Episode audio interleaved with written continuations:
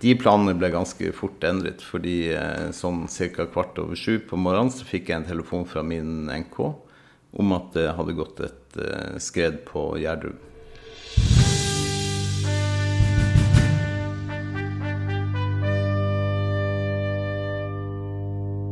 Du hører nå på Krigens krav, en podkast fra Heimevernssamfunnet.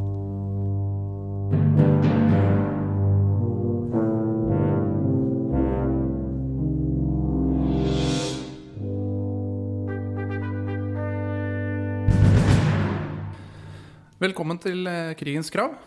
Eh, I dag eh, har jeg med meg Rune Meyer eh, i studio. Rune er områdesjef fra HV02. Eh, og vi skal snakke om opplevelsene dine, Rune, under skredet på Gjerdrum. Ja. Men sånn innledningsvis, kan du fortelle litt om deg sjøl først? Det kan jeg. Eh, Jeg heter altså Rune Meier. Jeg er områdesjef i eh, det som heter Gjerdrum og Nannestad HV-område. Eh, Jeg er 52 år, bor i Oslo, har samboer og to barn.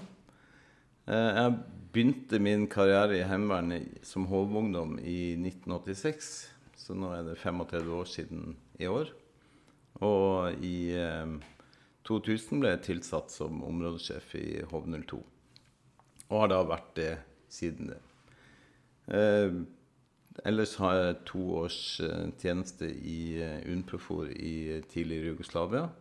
Og eh, for, ja, i oktober i 2020 så kom jeg hjem etter 15 måneder i UNMIS i Sør-Sudan. Så eh, HV har vært en eh, viktig hobby de senere åra for meg. og jeg setter pris på den kombinasjonen mellom sivil og, og grønn tjeneste. Så sivilt så jobber jeg som konsulent og rådgiver i et eh, lite konsulentselskap i Oslo. Jobber stort sett med IT-utvikling og programvare. Du, eh, du tjenestegjorde jo på, på Gjerdrum. Hvordan starta hele oppdraget for din del? Ja, dette var jo i romjulen i 2020. Og eh, jeg hadde vel egentlig planlagt den dagen at jeg skulle ut og kjøpe nye ski. Jeg hadde vært på en skitur og hadde veldig dårlig feste uansett hva jeg smurte med, og fant ut at jeg måtte innse at det kanskje var på tide å få seg felleski. Men eh, det var eh, det, De planene ble ganske fort endret, fordi eh, sånn ca. kvart over sju på morgenen så fikk jeg en telefon fra min NK om at det hadde gått et eh, skred på Gjerdrum. Og eh, da var jeg egentlig ikke våken, men jeg kom meg opp og fikk funnet frem litt utstyr. Og så skrudde jeg på PC-en og fikk sendt ut en varsling til alle i området ved hjelp av dette SMS-varslingssystemet som, som vi har. Og eh, kom veldig fort i kontakt med vakthavende på HV02. Han fortalte meg da at eh, de hadde allerede skremla innsatsstyrken. Og jeg pratet litt med han om hva vi skulle gjøre, om vi skulle eh, mobilisere området, eller om vi skulle eh, avvente, og ble egentlig enige om at vi, vi skulle ikke sende mer folk enn nødvendig, men at jeg kom til å ta kontakt med kommunen og, eh, og gå inn i den beredskapsrollen som jeg har som områdesjef i kommunen. Mm. basert på den meldinga jeg sendte ut, så fikk jeg også eh, veldig mye innkommende eh, samtaler. Jeg hadde jo dialog både med min NK og min områdesersjant. Og vi ble enige om at vi skulle sette stab rett utenfor Gjerdrum. Og eh, så pratet jeg også med, med G9 på HV02 og ble enige om at vi skulle sende inn en liaison inn i innsatsledelsen eh, så fort som mulig. Eh, en av de som ringte meg opp igjen, var da en, eh, en eh, person som eh, ja, Nå er han stabstroppsjef i området mitt. Han bodde også fem minutter fra eh, Gjerdrum kulturhus, hvor dette eh, innsatsledelsen satt. Og jeg avtalte med han at han skulle dra inn så fort han kunne. Så i løpet av en times tid så var han på plass inne i innsatsledelsen. Og vi satte stab, som jeg nevnte, litt lenger unna. Men han var inne der og var på en måte våre øyne og ører, og var den også som forberedte, forberedte mottaket av innsatsstyrken da de kom. Mm. Lokaliserte hvor de kunne komme med sine kjøretøyer og gjennomføre sin eh, ja, altså stillingsgang, og, og, hvor de kunne vente. For det var jo et salig kaos der med 300-400 mennesker fra alle mulige beredskapsorganisasjoner, både sivile og militære. Det var helikopter i lufta, det var masse ambulanser. Det var, et, eh, var en ganske kaotisk situasjon. Og da var det veldig bra at vi hadde våre folk på plass der eh, fremme. Mm. Så vi, vi, satte da, som jeg sa, eh, stab noen kilometer unna. Og eh, etter hvert så hadde vi fått nødvendig kontakt med personell i kommunen, som gjorde at vi rykket inn og, og inngikk da med, med kommandteamet i denne eh, beredskapsorganisasjonen til kommunen. Det var egentlig et uh, utvidet beredskapsråd som, som, egentlig gikk på 24 timers drift de første døgnene. Med alt fra helse, skole, uh, tekniske tjenester, økonomi. Det var, det var, veldig mange ting som kommunen uh, var avhengig av at skulle fungere, selv om det pågikk en, en redningsaksjon ved siden av. Og sånn sett så var ikke vår primære oppgave var ikke å delta i det livreddende redningsaksjonen, men det var mer å, å være båndet mellom eh, Forsvaret og kommunens ledelse. For det er jo politiet som styrer selve innsatsen. Og eh, Heimevernet var jo knytta opp mot det, men det var jo de avdelingene som sto i oppdragsløsning, som drev med vakthold eller avpatruljering eller slike ting. Men, men, for kommunen var det viktig å ha oversikt over hva, både hva vi gjorde, og, og hva vi kunne gjøre. Og, og, hvordan dette skulle fungere. Akkurat. Så du eh, fungerte da både som eh, eh forbindelsesleder mellom kommunen og Forsvaret, og samtidig som du satte opp din egen avdeling, da, eller? Nei, det var eh, HV02 har en, har en marsjrekkefølge. Og innsatsstyrken er den første som rykker inn. Og, eh, og det ble relativt tidlig klart at uh, marsjrekkefølgen ikke tilsa at mitt område skulle inn tidlig. Det ble, det ble mobilisert eller kalt inn litt seinere ut i, uh, i uh, denne prosessen. Men, men, det var også sånn at det var mer enn nok for oss i områdeledelsen i den rollen vi hadde opp mot kommunen, til at, Eh, min sjef vurderte nok at, eh, at, vi ville ikke ha kapasitet til både å dekke det og samtidig skulle ha et eget område ute i, i operasjonen. Så, så, han eh, Lasse, som han heter, som jeg hadde sendt inn i forkant, han, han så da ut bl.a. hvor de skulle ankomme, hvor de skulle gruppere ut, og sørge for at de kom da i kontakt med innsatsledelsen fra politiet. Så det vet jeg at, eh, at, den styrken som da ble satt opp, var veldig takknemlig for at det var folk der allerede som eh, Ja, i det kaoset som rådet. Det var, det var et system i galskapen, men det, mm. det, var veldig vanskelig å se når man kom inn i det bygget, hvordan ting fungerte. Ja. Så det å ha en mann som allerede hadde gjort seg kjent, og som også var lokalkjent på, på eh, Ask, der dette skjedde, i Gjerdrum, det var nok en eh, helt klar fordel for at de skulle raskt kunne komme ut i stilling og ta over for politiet der de sto og holdt vakthold. Mm. Eh, den personen du utpekte, var, eh, var ikke nødvendigvis liaison i utgangspunktet, eller?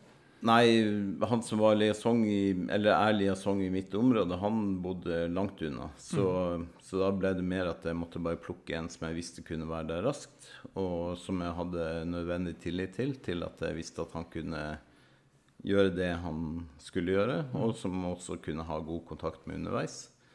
Og, eh, og da falt det naturlig på, på vedkommende som, som, da gikk inn. Mm. Og eh, vi, vi, visste jo ikke om dette var noe vi skulle stå i lenge, eller om det var noe som var over i løpet av en formiddag, eller, eller hva. Etter hvert gikk det jo mer tydelig frem når vi så på nyhetene og leste, eller ja, hørte på radio og sånne ting underveis, at dette var mye større enn det vi først hadde, hadde trodd. Mm. Og da så vi òg at, eh, at vår innsats kom til å bli enda større enn det, enn det vi kanskje først hadde tenkt. Mm. Så, eh, men det var jo hele tiden løpende dialog med både eh, HV02s Lia Songer hos eh, ja, Da het det fortsatt Fylkesmann. Den bytta jo navn fra 1.1., men eh, hos Fylkesmann, hos eh, diverse politidistrikter og i sykehus og slike ting for å, for å avstemme. Og, og, mye av den dialogen eh, Jeg har sjekka telefonloggen min etterpå bare for å klare å lage en tidslinje for meg sjøl. Mm. Og, og, da ser jeg jo det at det var ekstremt mange telefoner den formiddagen. Mm. Så innledningsvis så, så går mye på telefon før på en måte møtestruktur og sånt er satt, eller? Ja. Ja. Og, og vi gikk jo inn i beredskapsrådets møtestruktur. Så det første møtet jeg har logget, var eh, klokken 14.30. Mm. Og det er jo faktisk altså ti timer etter at skredet gikk, Mm. eh, som vi var aktive inn i, inn i det. Og jeg tenker jo en av de tingene jeg har lært, eller tenkt etterpå, er at vi skulle nok bare ha rykket inn med en gang. Det at vi satt stab utenfor eh, dette her, Mm. Det, jeg tror kanskje ikke at vi hadde fått gjort så veldig mye mer, men jeg tror vi hadde egentlig Det hadde vært bedre for oss å ha vært inne der tidligere. Mm. For det er òg det at alle de du egentlig vil ha tak i, beredskapsansvarlig, ordfører, eh, kommunedirektør, de er såpass busy at du får ikke tak i de på telefonen. Det er mye lettere å, å heller stå og vente på å, å få snakke med de ved Mm. siden av de for Ja. å komme i inngrep. Og jeg så jo, vi ble jo, Med en gang vi kom, så ble vi jo satt til å løse oppgaver. Både rundt vakthold, rundt sikringsarbeid og, og andre ting som var nødvendig å få på plass. Hvilke tanker gjorde du deg sjøl når du eh, ble vekka av denne telefonen tidlig på morgenen? Altså, Det var jo i romjula. Vi var liksom hele familien hjemme. Og vi hadde, vi hadde hatt en, en, fin jul. Det er jo ikke det du forventer deg midt i, i julefeiringen. At, at, plutselig så skal du stå ute i et sånt oppdrag hvor det er flere mennesker som omkommer. Det var over 2000 som ble evakuert fra sine hjem. Det var, det var fortsatt veldig usikkert der vi var om dette var trygt, eh, også de plassene vi, vi satt og jobbet. Så du blir liksom kasta inn i det på en, på en, måte. Og det Du kan si vi som militære så har vi jo trent på dette her. Vi har jo fått en del alarmer og, og sånne ting, men, eh, men det blir allikevel spesielt. Og jeg tror det er litt av grunnen til at jeg ikke har den eh, tidslinja veldig tydelig i hodet mm. sjøl. Fordi du gjør egentlig bare det som virker fornuftig der og da, mm. for å raskest mulig kunne komme i, i, inngrep med det du skal løse, og, og sette i gang. Mm. Så jeg, jeg har bl.a. sett at eh, altså i tidsrommet mellom halv åtte og ca. klokken ti så har jeg over 60 inn- og utgående samtaler på telefonen. Mm. Så, uh, så, vi er nok ganske avhengig av den eh, mobiltelefonen hvis det, hvis det skjer noe. Ja. Så, og tekstmeldinger og alt sånne ting i tillegg. Så det var ganske høyt volum på den oksen, som egentlig var bare i meg og min bil. Mm. Ja. Følte du at du var eh, for, forberedt på det? All den tid du kan bli forberedt på noe sånt?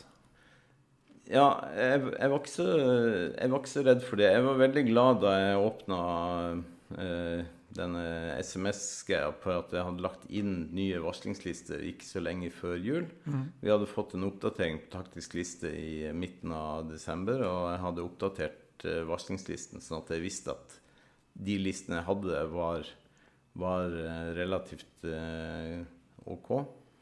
Og, og, så tenker jeg liksom det at Det at at noe skjer, men du ikke har kontroll på hva det er.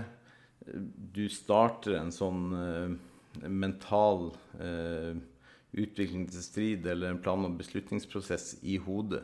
Mm. Og det er, det er, ting som, som kommer igjen fra, fra, mange år med trening på det. Og og så tror jeg nok at at situasjonen føltes så akutt at det var egentlig tanken var at det er bedre å gjøre noe uansett hva du gjør, enn å ikke gjøre noe. Og, eh, så da var det viktigste egentlig å komme seg så fort som mulig, så nært som mulig, for å kunne være til, til, til støtte. Men uh, man er jo på et ganske høyt adrenalinnivå når man får en sånn telefon. Og da tenker jeg da, da, bruker man ikke veldig mye tid på å tenke på kan dette være risikabelt, kan dette være farlig. Man tenker egentlig bare på hvordan kan jeg få gjort en best mulig jobb nå. Mm. Hvordan uh, utarta det seg, dette seg videre? Nå er vi, ja, nå er vi en halv dag inn i Ja. ja. Uh, Altså, vi etablerte oss inn i en stor uh, kultursal som var egentlig rigga til, uh, til denne kommunale uh, ledergruppa eller beredskapsgruppa, hvor det satt folk fra, fra, masse forskjellig. Det satt folk fra kommunens administrasjon, det satt noen politikere, det satt noen fra Fylkesmannen, det satt folk fra NVE der, det satt folk fra et kommunalt landbrukskontor. Mm. Og Kirken var til stede der. Det var liksom veldig mange ressurser i beredskapsapparatet som var på plass. Og, og det var faste møter, kanskje annenhver time. Og, og, mellom de så var det veldig mye samtaler direkte med de enkelte aktørene. Mm. Eh, om ting de hadde behov for. Spørsmål de hadde Kan dere støtte dette her? Det var bl.a. et par besetninger, en besetning som skulle til slakt den dagen. Mm. Eh, veien var borte. Dyrene fikk ikke vann. Det var ikke mulig å komme inn dit. Og, og mye, mye, av samtalen gikk da liksom på hvordan løser vi dette praktisk? Mm. Hva fins av alternativer? Det er òg viktig å huske at en kommuneadministrasjon har ikke veldig mye ekstra kapasitet. De er trimma til, til beinet i utgangspunktet fordi at eh, ja, det, har, det, er et kostnadsspørsmål. Så de, de er ikke, de ikke rigga for å kunne håndtere en sånn situasjon. Så det var jo eh, klart at det var veldig mange av de andre som satt der også, som var i akkurat samme situasjon som oss. De ble kasta inn i det og, og, gjorde så godt de kunne. Og det preget vel egentlig hele den første dagen. Mm. At, uh, at, dette var ikke noe som, som, noen var forberedt på. Det fantes ikke en plan, eller Man, man gjør liksom fra minutt til minutt det man føler at det er best der og da. Mm. Gjelder det på alt fra organisering av kriseledelse til uh, ja, egentlig hele, hele, operasjonen, eller? Ja, det tror jeg nok. Altså, kriseledelsen er jo på en måte gitt. Eller altså, det er jo en del aktører som vet at de tilhører der. Det var uh, og det har man trent kanskje i beredskapsøvinger. Det fins en beredskapsplan Mm. i kommunen som man har trent. Og man eh, har også møter i beredskapsrådet, kanskje årlig eller flere ganger årlig.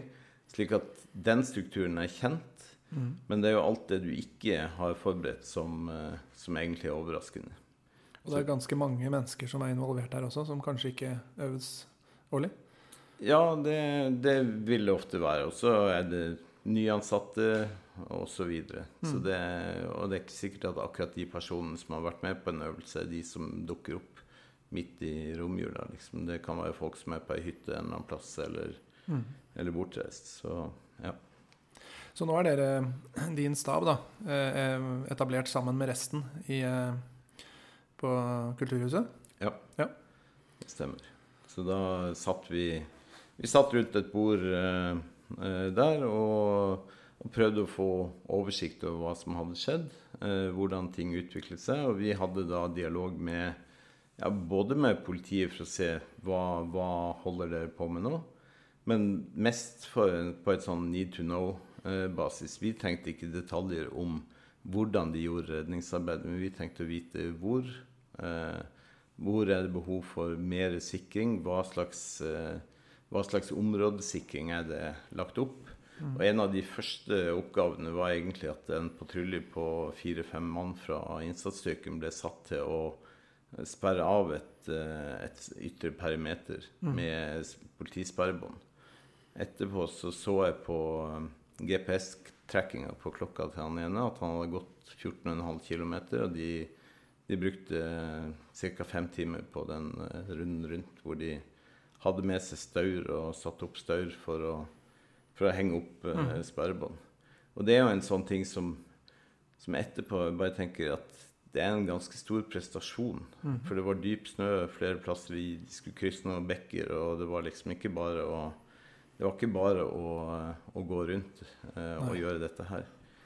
Men, eh, men det, det er vel kanskje det som er erfaringen, at detaljnivået på hva man husker, og hva som eh, Når det står på, så mm. føltes dette egentlig bare som helt naturlig at man satte i gang med det. Mm. Ja. Jeg kan kjenne meg igjen i det, at den ikke henger helt eh, med på tidsforløpet og sånt nå, når sånne ting skjer.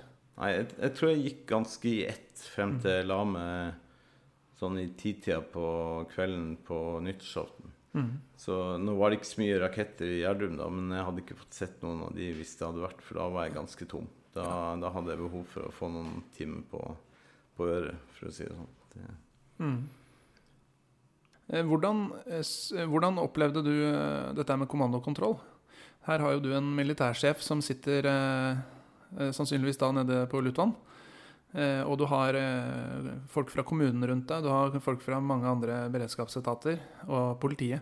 Hvordan, hvordan fungerte det?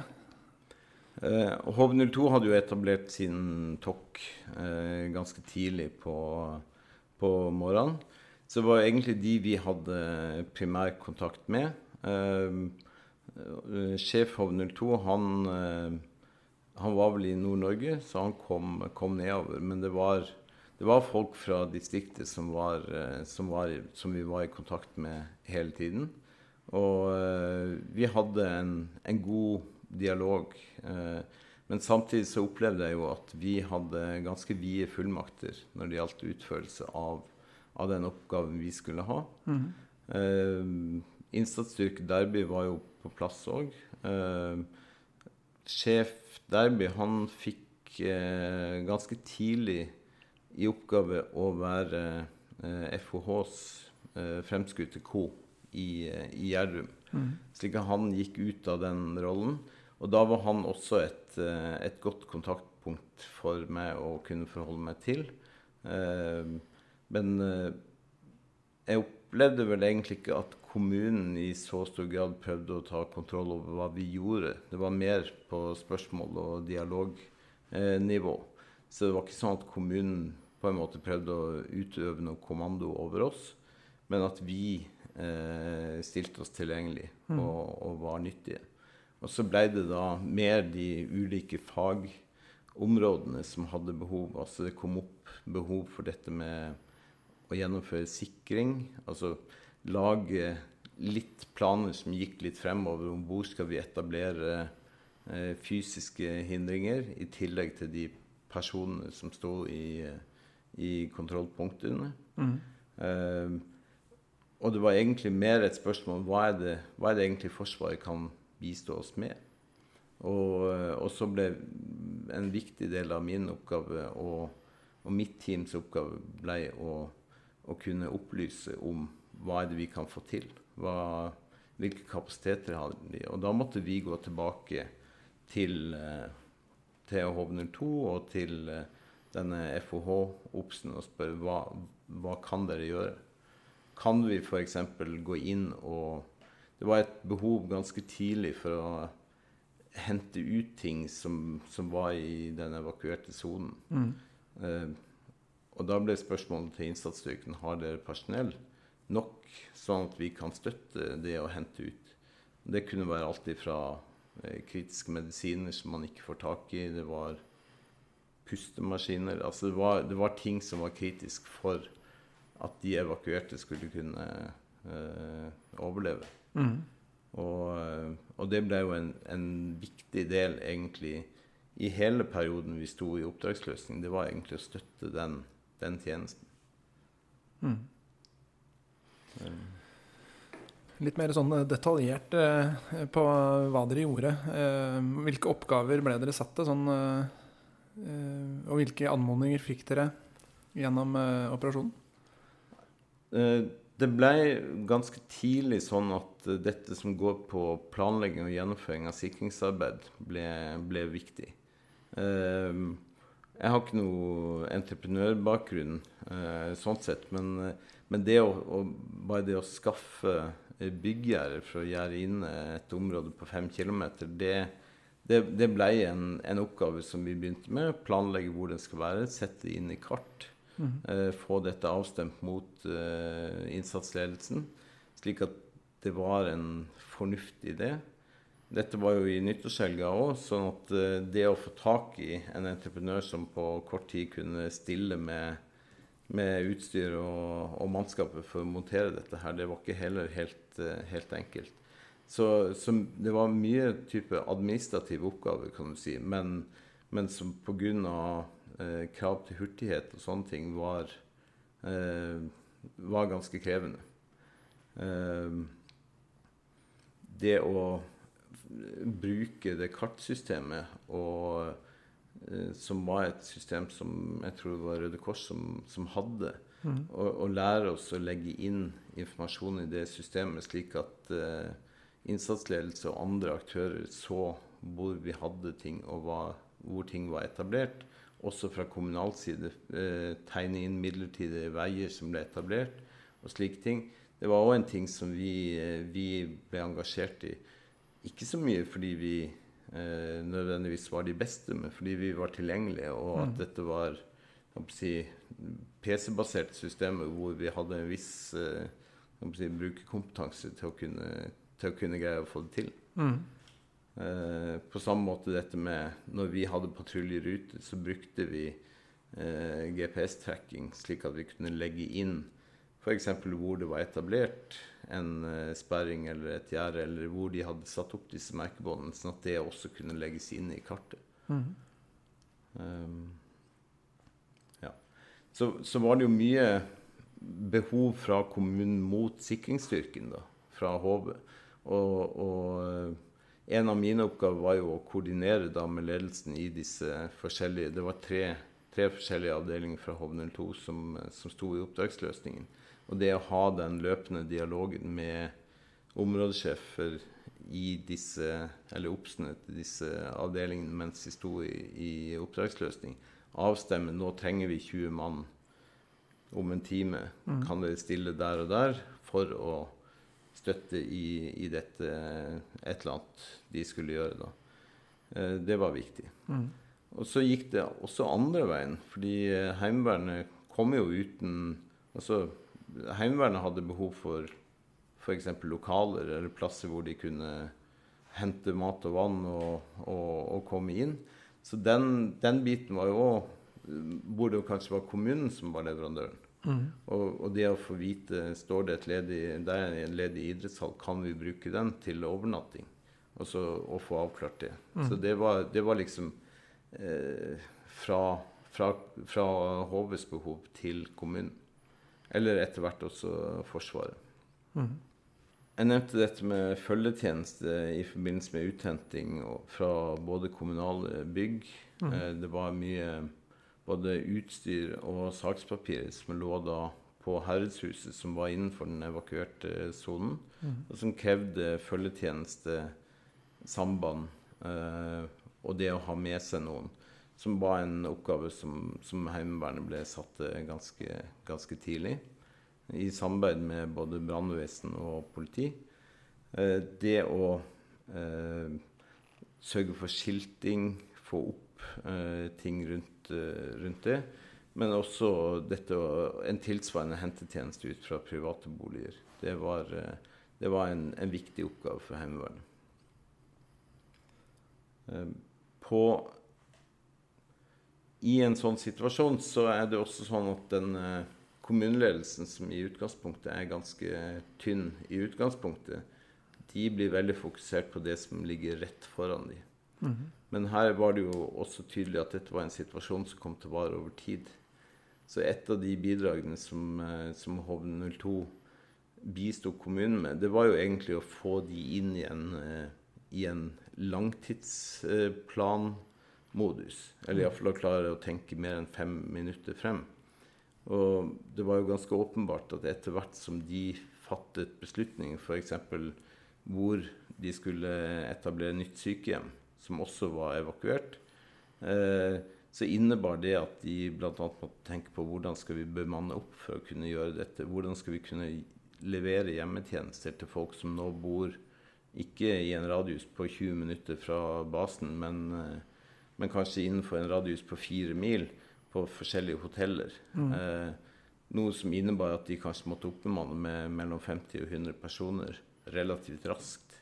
Og det å få de prosessene i gang, der, der fikk vi støtte fra staben i Hovner 2 for å kunne eh, gå i gang med, med disse prosessene. Mm. Og det tror jeg òg var en eh, viktig oppgave, fordi selv om det er mye dyktige ledere i en kommune, så, så greier de ikke å tenke fremover det var viktig å ha noen som kunne veilede i å begynne å tenke, eh, tenke fremover. Mm. Hva skjer når barnehagen skal starte igjen på 2.1? Fordi barnehagen er også eh, forsvunnet.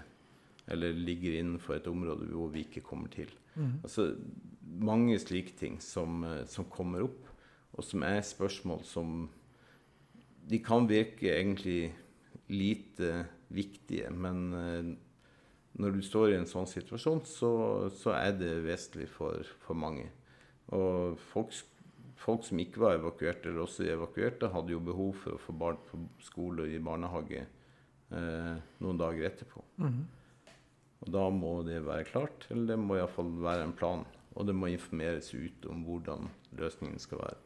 Så kontinuitetsplanlegging var en vesentlig del av oppdraget, rett og slett? Ja så så jo eh, politiet ganske fort at dette å drive med, med søk og redning samtidig som man hadde et, eh, altså en enorm skredgrop, flere tusen evakuerte, et eh, sikringsoppdrag som krevde mye, mye gjerder og slike ting, så så de at det å sitte som innsatsleder og skulle mene noe eller ta beslutninger om alt dette her, det ble krevende. Og da kom det opp en idé som, eh, som gjorde at eh, jeg sammen med en person fra politiet vi etablerte et parallelt ko. Vi kalte det for driftsko. Mm. Som egentlig skulle håndtere alle oppgaver som ikke eh, var eh, direkte knytta mot søk- og, og redningsoperasjonen.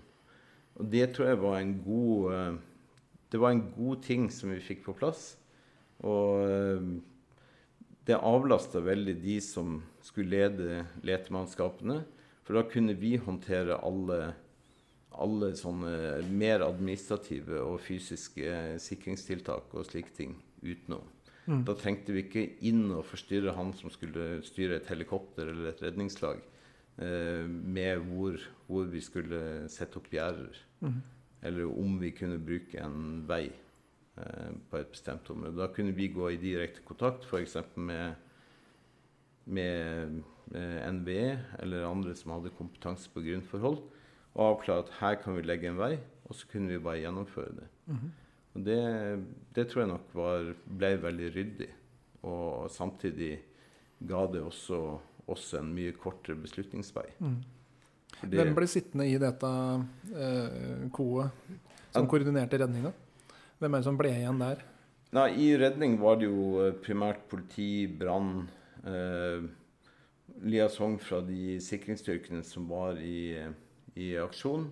Det var eh, frivillige organisasjoner, for her var jo både Røde Kors, Norsk Folkehjelp, eh, redningshunder Mm. Eh, det var vel eh, folk som hadde tracking, altså GPS-tracking på de som var inne i området.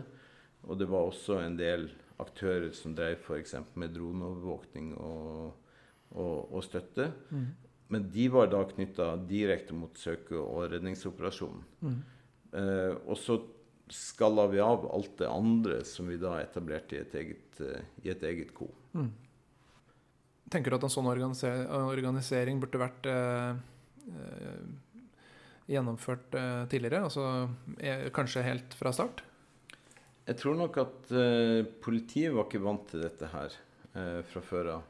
Jeg har heller ikke erfaring fra en sånn organisering. Men jeg tror at i ettertid så, så var det veldig mange fra eh, politiets innsatsledelse som sa at dette var en god måte å organisere det på. Som vi må ha med oss i, i boka for videre. Normalt så ville ikke de etablert dette, og jeg tror ikke de hadde gjort det før heller. Så det ble en nyvinning i forbindelse med, med Gjerdrum. Mm.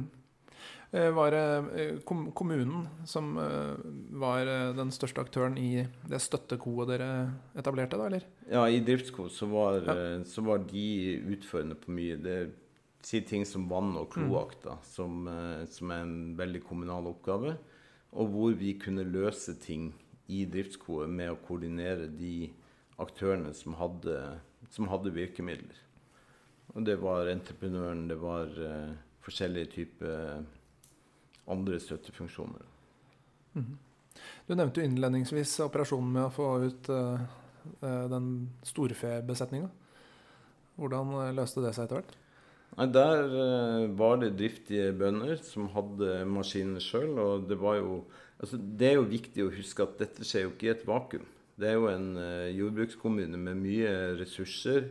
Eh, man har entreprenører, man har bønder som driver med har maskinen sjøl. Du har et sterkt bondelag, du har et idrettslag. Så mye av det vi organiserte, var jo gjennom disse.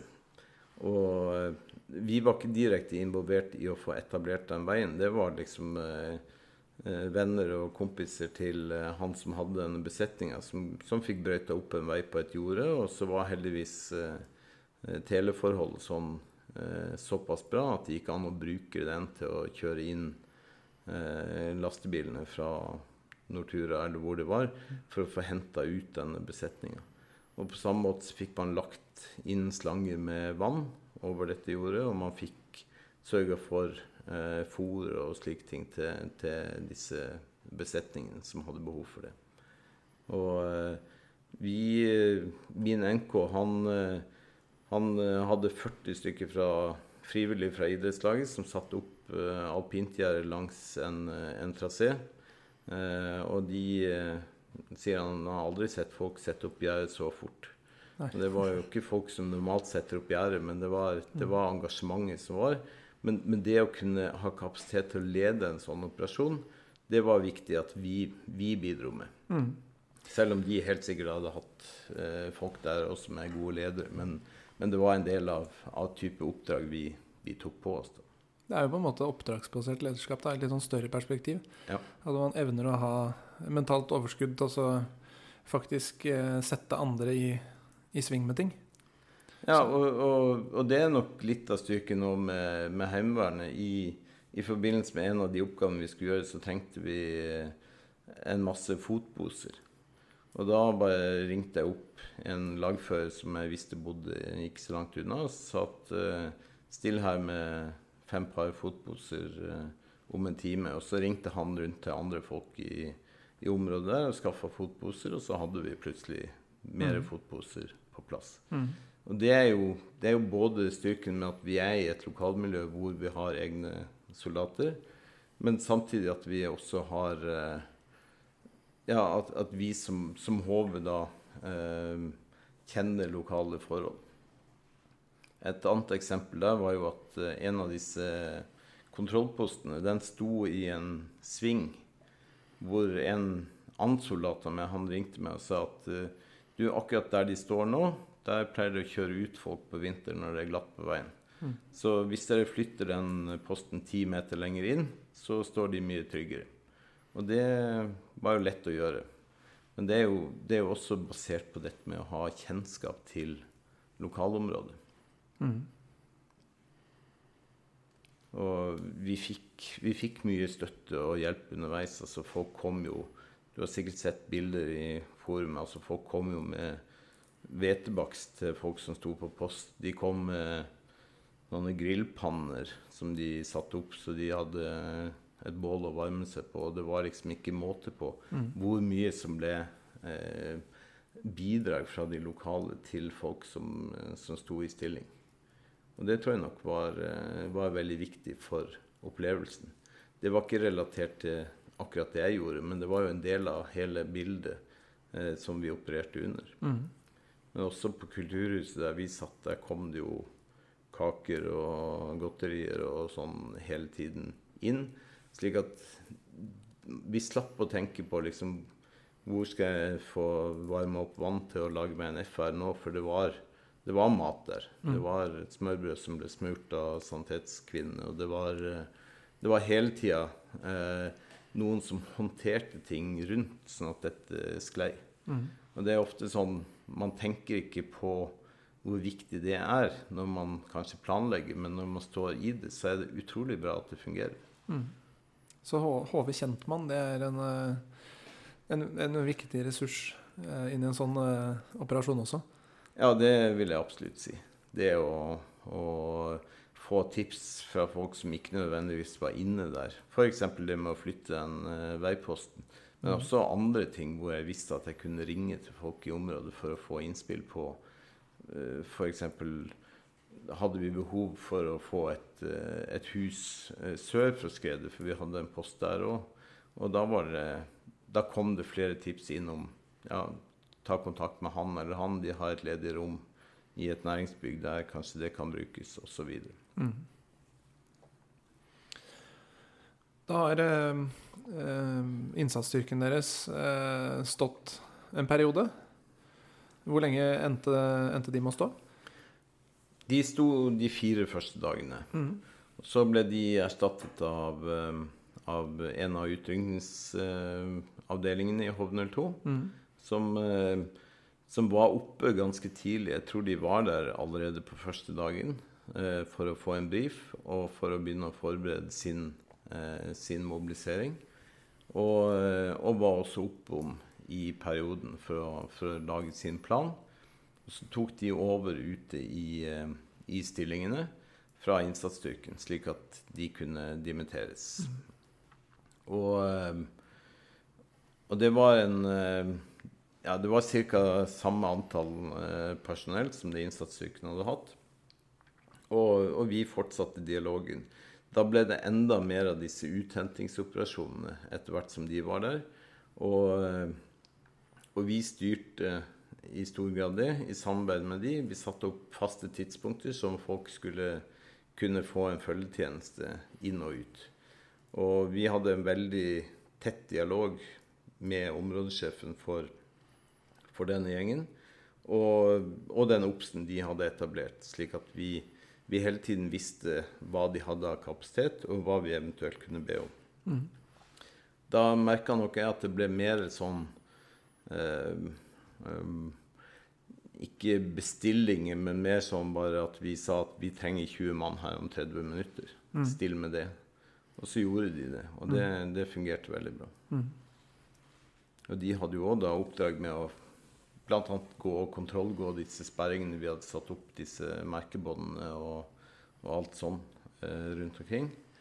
Og eh, jeg tror de, eh, de eh, Det var nok den fasen hvor liksom ting hadde begynt å og Samfunnet hadde åpna, det var etter nyttårsaften, og, og det ble mer press på f.eks. hvordan skal folk få kjørt til jobb når den veien vi vanligvis kjører, den, eh, den, er stengt pga. skredet. Mm.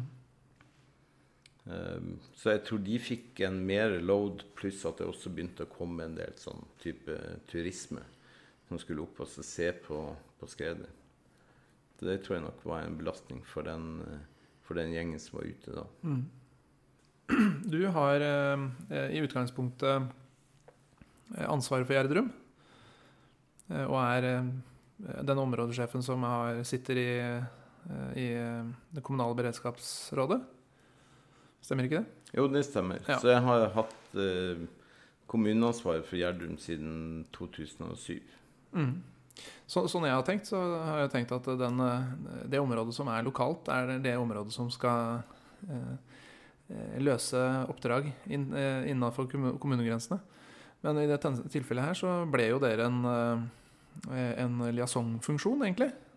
Ja, og det, det vi hadde, vi hadde en del diskusjoner om det. Og, og min sjef var flere ganger eh, tok opp temaet flere ganger. Fordi jeg følte nok òg at det hadde vært naturlig at vi hadde vært i innsats. Samtidig så så var det nok òg en tanke om at kanskje jeg hadde mer enn nok med den oppgaven jeg skulle gjøre. Eh, og det å kunne både ha den funksjonen inn mot kommunen samtidig som jeg skulle gjennomføre ESO med, med eget område, at det mm. kunne være veldig krevende. Mm.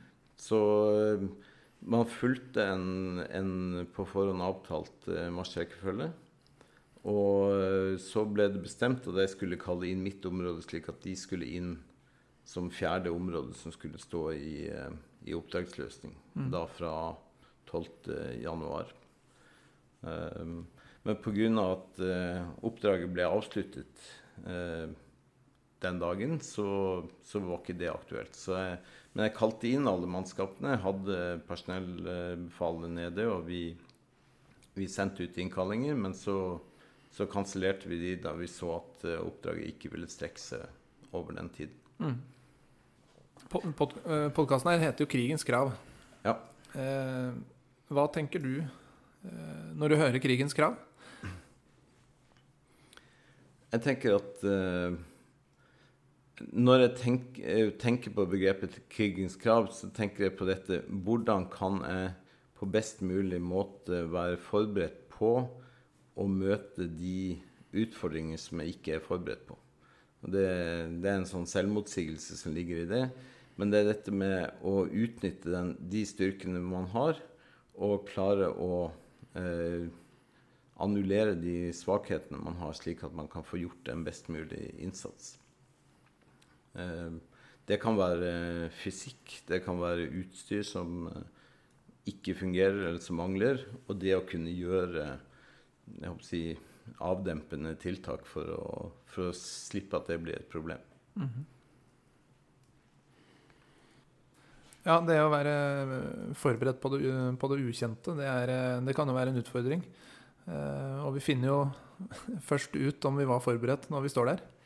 Eh, er det noe du ser sånn i ettertid at du kunne tenkt deg gjort annerledes? Eller, eh, eller gjort på en annen måte noe du kunne tenkt deg at du ikke gjort eventuelt? Ja, jeg har lært mye av den, av denne innsatsen. mye av det du har trent på, det gjør du på automatikk.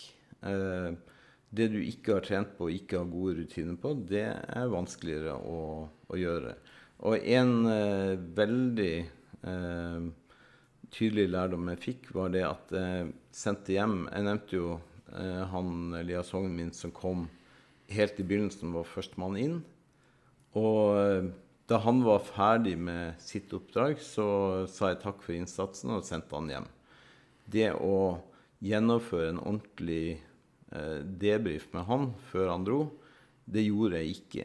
Og det har jeg angra på i ettertid, og sett at det var noe som, eh, som hadde vært nødvendig. Mm. Eh, mye pga. de både inntrykk han hadde fått, og den, det hektiske miljøet han hadde vært igjennom, så burde jeg tatt meg tid til å gjøre det. Mm. Vi, vi, tok den igjen litt seinere.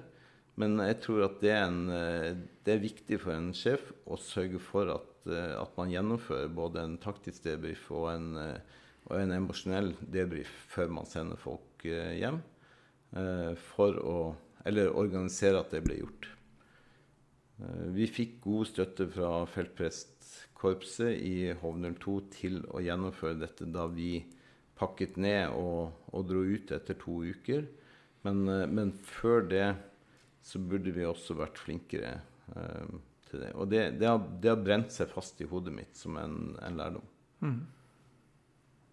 Det, har det vært et eh, tema fra de andre beredskapsetatene også? Kjenner du til det? Jeg vet iallfall at de andre områdene som var inne fra oss, de, mm. de, har, de har, satt dette i system. Eh, jeg vet at i innsatsstyrken så har de jobba veldig mye med makkerpar og, mm. og debrief i makkerpar. Uh, mens, uh, mens, de to utrykningsområdene som var inne, de, de, hadde også et opplegg med både feltprestene og med, med psykologer fra Forsvaret. Mm. For, å, for, å, sikre at man, man, ikke får ettervirkninger. Fordi uh, vi vet fra utenlandsoperasjoner at dette med PTSD det, det kan være en altså, Det trenger ikke å være lang tid man er inne i en situasjon før man kan, eh, kan få ettervirkninger. Og, og, det gjelder også i en, en, situasjon som dette her. Det er folk som ser ting, det er folk som opplever ting. Det er folk som kjenner på en frykt i utførelsen. Og det at vi også når vi opererer hjemme, må lære litt av det som, eh, som gjøres i forbindelse med utenlandstjeneste, det tror jeg er viktig. Mm. Kan det være aktuelt med debrifing også på tvers eh, av eh, etater og, og, organisasjoner? Mange har vel kanskje også stått og, i oppdrag side ved side med en politi, fra folkehjelp osv. Eh, har det vært aktuelt å debrife på tvers? Det kan nok være aktuelt, men jeg oppfatter faktisk at på Kulturhuset så ble det et problem. Mm. At når en politimann eller brannmann kom inn fra skredgropa, så satte de seg ned med en HV-soldat som kanskje ikke var forberedt på å få en, eh, en tøff uh, situasjonsbeskrivelse eller en debrief fra, mm. fra vedkommende. Og at det, det, ble faktisk en utfordring heller enn en løsning. Mm. Da tror jeg det bør settes i system. Og så tror jeg de blålysetatene har ganske gode rutiner allerede på det. Mm. Så, eh, så min, min, tanke er vel at jeg var for dårlig forberedt på det. At jeg som sjef svikta på det. Mm. Uh, men at vi i Heimevernet egentlig har uh, skal ha kompetanse og, og, være gode nok på det. Mm.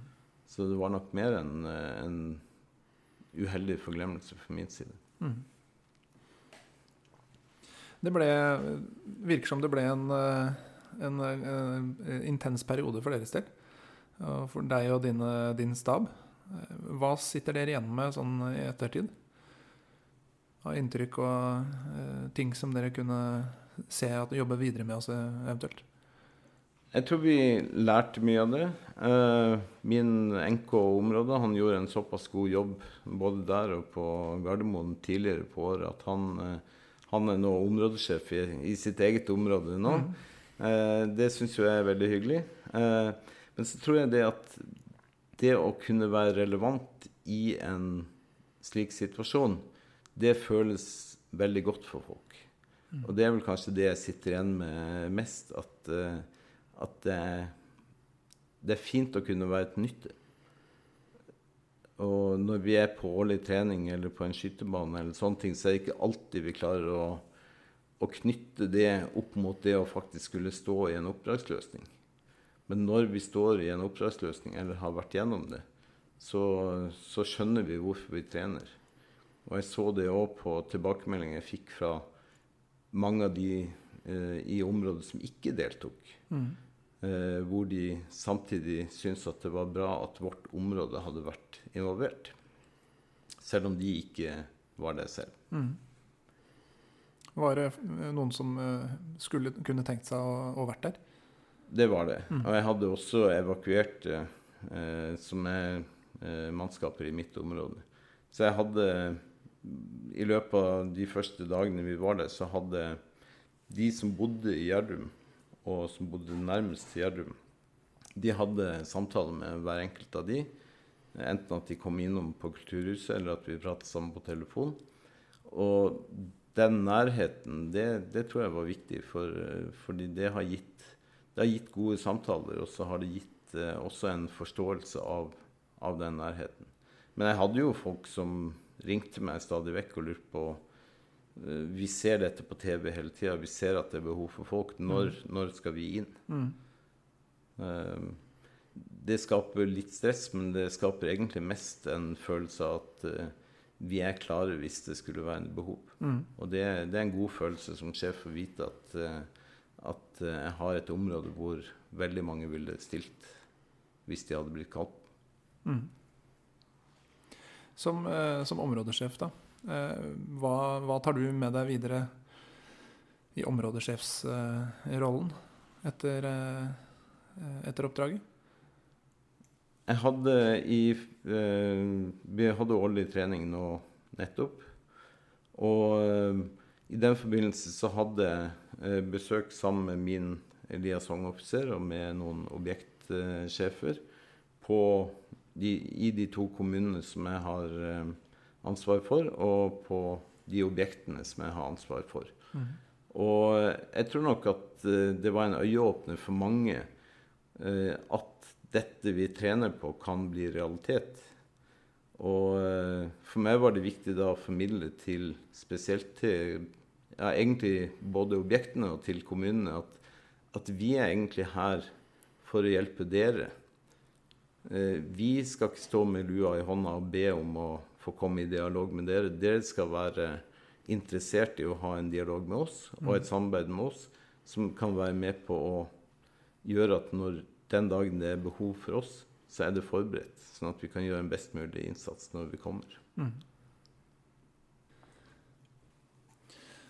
For å gjøre seg best mulig forberedt da, på det uforutsette, bl.a., som du nå har eh, fått erfart, eh, er det noe litteratur du vil anbefale for andre i Heimevernet i den forberedelsesprosessen? Altså, jeg har en, eh, militær favorittbok, og det er jo den som heter On War av uh.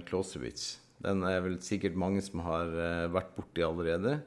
Men det går jo mye på dette med, med intensjonsbasert eh, ledelse. Dette å kunne skjønne hva Ikke nødvendigvis hva du skal gjøre, men skjønne hvilken, hva som er grunnen til at du er der du er, og prøve å gjøre det beste ut av det. Eh, Det tror jeg nok i en sånn situasjon som Gjerdrum, så ville aldri noen på et nivå over meg kunne skrive en, eh, en fempunktsordre som styrte hva jeg skulle gjøre der. Jeg måtte bare prøve å gjøre det beste ut av det. Eh, og av litt mer moderne litteratur da, så, har, eh, så er det en bok som heter No Rules Rules eh, fra Netflix, og litt hvordan de tenker om ledelse der. Som egentlig er en eh, linje tilbake, men som går veldig mye mer på dette med ærlighet. Det å faktisk kunne si fra til folk om eh, hva du vil forbedre for å kunne gjøre ting enda bedre. Og det tror jeg i, eh, i militær sammenheng så er det viktig at vi er åpne og ærlige. At vi ikke er livredde for å si noe til folk bare fordi de har en stjerne eller en eh, stripe på skulderen, men, men med hensikt å gjøre ting bedre. Så, så den eh, No Rules Rules, den tror jeg den kan jeg anbefale til, til mange. Ja. Clausitz skriver jo også om friksjon. Eh, Jeg går ut fra at du følte litt på friksjon og, eh, i, i oppdragsløsninga. Ja, absolutt. Det, det gjør man. Men, eh, men eh, det tror jeg at alle som har vært i en eller annen militær avdeling, vet at friksjon, friksjon oppstår uansett. Og så kan vi, kan vi kanskje Det er ikke viktig for meg i ettertid. Det som er viktig for meg i ettertid, er hva kan jeg, ikke, ikke hvem som gjorde noe dumt, men hva kan vi gjøre bedre neste gang for å få et bedre resultat og være mer klar til å gjøre en enda bedre innsats neste gang. Tusen takk, eh, Rune, for at du stilte opp i krigens krav. Takk skal du ha. Det var veldig hyggelig å komme ned til Horten og, og se den flotte byen i det fine været. Takk for det.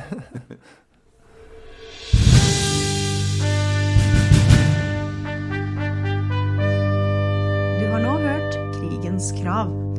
Ta kontakt med oss hvis du har tilbakemeldinger eller ideer til nye episoder. Kontakt oss på hvsamfunnet.no. Følg oss der du hører podkast for å få påminnelse om nye episoder.